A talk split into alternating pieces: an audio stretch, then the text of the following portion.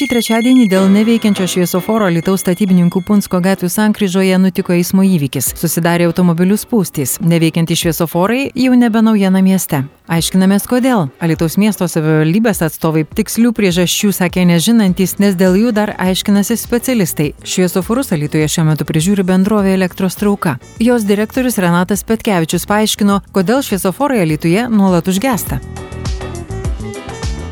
pastaruoju metu iš tikrųjų pakankamai dažnai, tai vienas, tai kitas šviesoforas neveikia Lietuvoje. Kodėl taip vyksta? Nu, tai įranga jau pasenus, kiek metų jau atsinaujinti reikia. Ta prasme, pasenusi įranga ir dėl to jinai neveikia. Jo, jo, jo, jo, ir karščiai veikia labai. O kas čia nutinka, jisai išsijungia, ta prasme, kaip, kaip tas vyksta? Elektronikos gedimas. Ir bet jie nuolat kartojasi ir vis, ar, ar visi šviesoforai vienu metu išsijungia, ar tai vienas, tai kitas, kas su jais? Vienas tai kitas, tai vienas tai kitas, būna, pavyzdžiui, pavyzdžiui, yra kompiuterizuota viskas. Jeigu perdygė, kaip, kaip pavyzdys, kokia nors raudona žibintas, mhm. kompiuteris atjungia viską. Ir viskas, pakeitė, pakeitė šviesuvą, vėl viskas veikia. Nu, tokia sistema, taip ir. Nu, šiandien, va, pavyzdžiui, tas, kur buvo autoįvykis Punsko statybininkų gatvėje, kas ten buvo nutikę tam šviesoforui? Ten šviesoforui yra, kas nutikė, yra šviesoforas užjungtas nuo gatvių apšvietimo. Gatvių apšvietimas yra išna galingumus ir atsijungia automatas, vadinasi, ESO dalyje. Mhm. Ir viskas.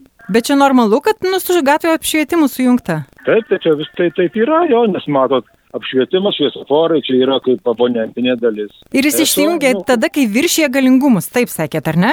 Jo, jo. Nu, pavyzdžiui, būna koks nors, tarkim, dabar vakariai įjungia šviesa, gatvė, žinoma, nu, tam punsko, tas kvartalas visas yra apšvietimas. Taip. Nu, ir kokie nors lempoje, kas nors ar kas nors ir viskas, ir atsijungia ir apšvietimas, ir šviesoforas atsijungia. Aha, nes tai... ir sekmadienys, pakankamai dažnai sekmadienys jisai neveikia, šiandien vėl jisai neveikia, nors jis dažnai tai vyksta, aš suprantu, ar ne? Taip, po nakties. Taip. Po nakties.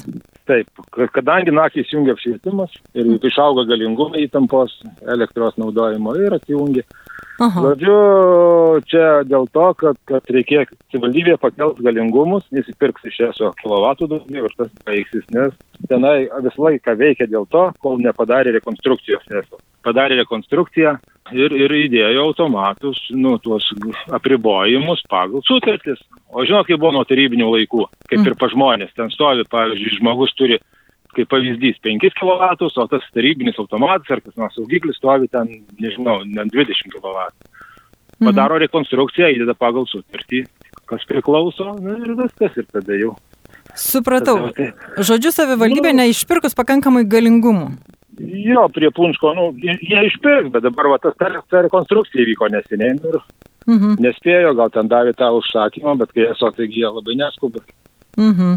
O pavyzdžiui, va, taip, mhm. centre irgi vat, buvo jotvingių, čia savaitgalį gal šia, ar, ar, ar už vakar, ar šeštą sekmadienį irgi tas pats irgi neveikė ir irgi ne pirmą kartą. Tai irgi dėl tos pačios priežasties ar dėl ko? Ne, čia, čia jau čia įranga visur. Ir kabeliai pasenę, įranga pasenus. Būna politaus, kas nors atsitinka, kai sudrėksta. Reikia, reikia atnaujinti visą įrangą. Nes dabar dabar pavyzdžiui šitą statybininkų naujoji. Taip. Valdiklį ten pakeitė, jau, jau atnaujino, nu ir jie galvoja po truputį, nes nu, brangiai įranga, tai gal, gal pinigų tiek neturi. Tai o yra kažkur, kad normalų šviesoforai, kad veikia stabiliai ir be jokių va tokių išsijungimų? Taip, taip, ką žinau, nu, yra. Yra? Nu, tai yra, tai visi taip turi būti. Turi, tai taip. Kažkas, nu, Nes, o tas prie balos, pavyzdžiui, tokie, nes yra tokių sankryžų, kurios tikrai labai komplikuotos be šviesoforo. Vat e, Punsko statybininkų arba, pavyzdžiui, na, prie balos tas vadinamas kaip e, ten naujoji, su, su kuo ten kertas, irgi buvo kažkada tai sutrikimai. Čia irgi tos pačios priežastys, ar, ar ten nu, tiesiog tai, atsitiktinai? Ne, nu, aš nežinau, tai buvo perdygę, buvo po avarijų, būna pažeisti kabeliai, buvo sutvarkim. Tai, nu, ten numušosi. Tai ar dažnai jums tenka uh, po to šviesoforus taip uh, bėgioti? Nu, tenka, tenka. Ar seniai jūs čia atsakingi už už, tos miesto šviesoforus? Du metai. Ir kažkas pasikeitė, ar kažkaip nesatrodo, kad pastaruoju mėnesį gerokai dažniau vyksta vat, visi šitie dalykai?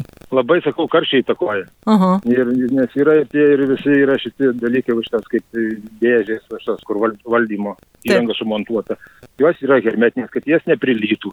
Jos gan sandarios. Anksčiau tokių karščių nebūdavo, dabar centre va, tas prie, prie pašto. Tai 30 temperatūra, saulė į tą, į tą valdymo įrangą šviečia visą dieną. Mhm. Viskas, jam vis atjungi perkeistai nu, viskas kompiuteriai, ten kompiuteriai senokiai, bet jie viską valdo, viskas veikia. Ir viskas pakyla ir jis atjungia. Kol nuvažiuoja ten atvėsta, viską pravedžinė, vis vėl veikia, paskui gerai. Mhm. Bet atrodo, dar karščių tokių net nebuvo šią vasarą, na porą dienų gal, gal kokie, bet nebuvo kažkaip įspūdingų tokių kaip, kaip anksčiau. Nu, žodžiu, reikia truputėlį atsinaujinti investicijų. Radio stočiai FM99 kalbėjo Renatas Petkevičius, bendrovės elektros trauka direktorius. Reportažą rengė Vilija Kvedaraitė.